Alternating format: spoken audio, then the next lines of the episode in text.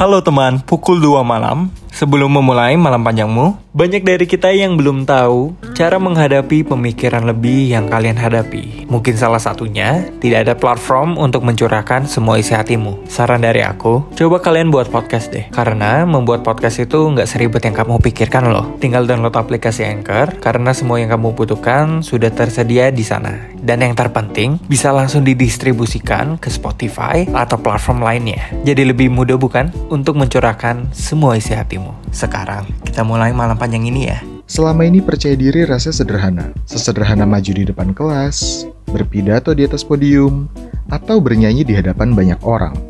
Namun semakin bertambah usia, kita semakin menyadari percaya diri semakin sulit dilakukan. Terlalu banyak distraksi di sekitar kita, mulai dari terusik dengan kawan yang kini sudah sangat sukses, orang terdekat yang meragukanmu, bahkan diri sendiri yang mempertanyakan apakah pilihan hidup sudah tepat. Mungkin memang benar akan ada banyak orang yang meragukanmu, tetapi ingatlah, orang pertama yang harus percaya terhadapmu adalah dirimu sendiri. Pukul 2 malam. You can't take this away from me.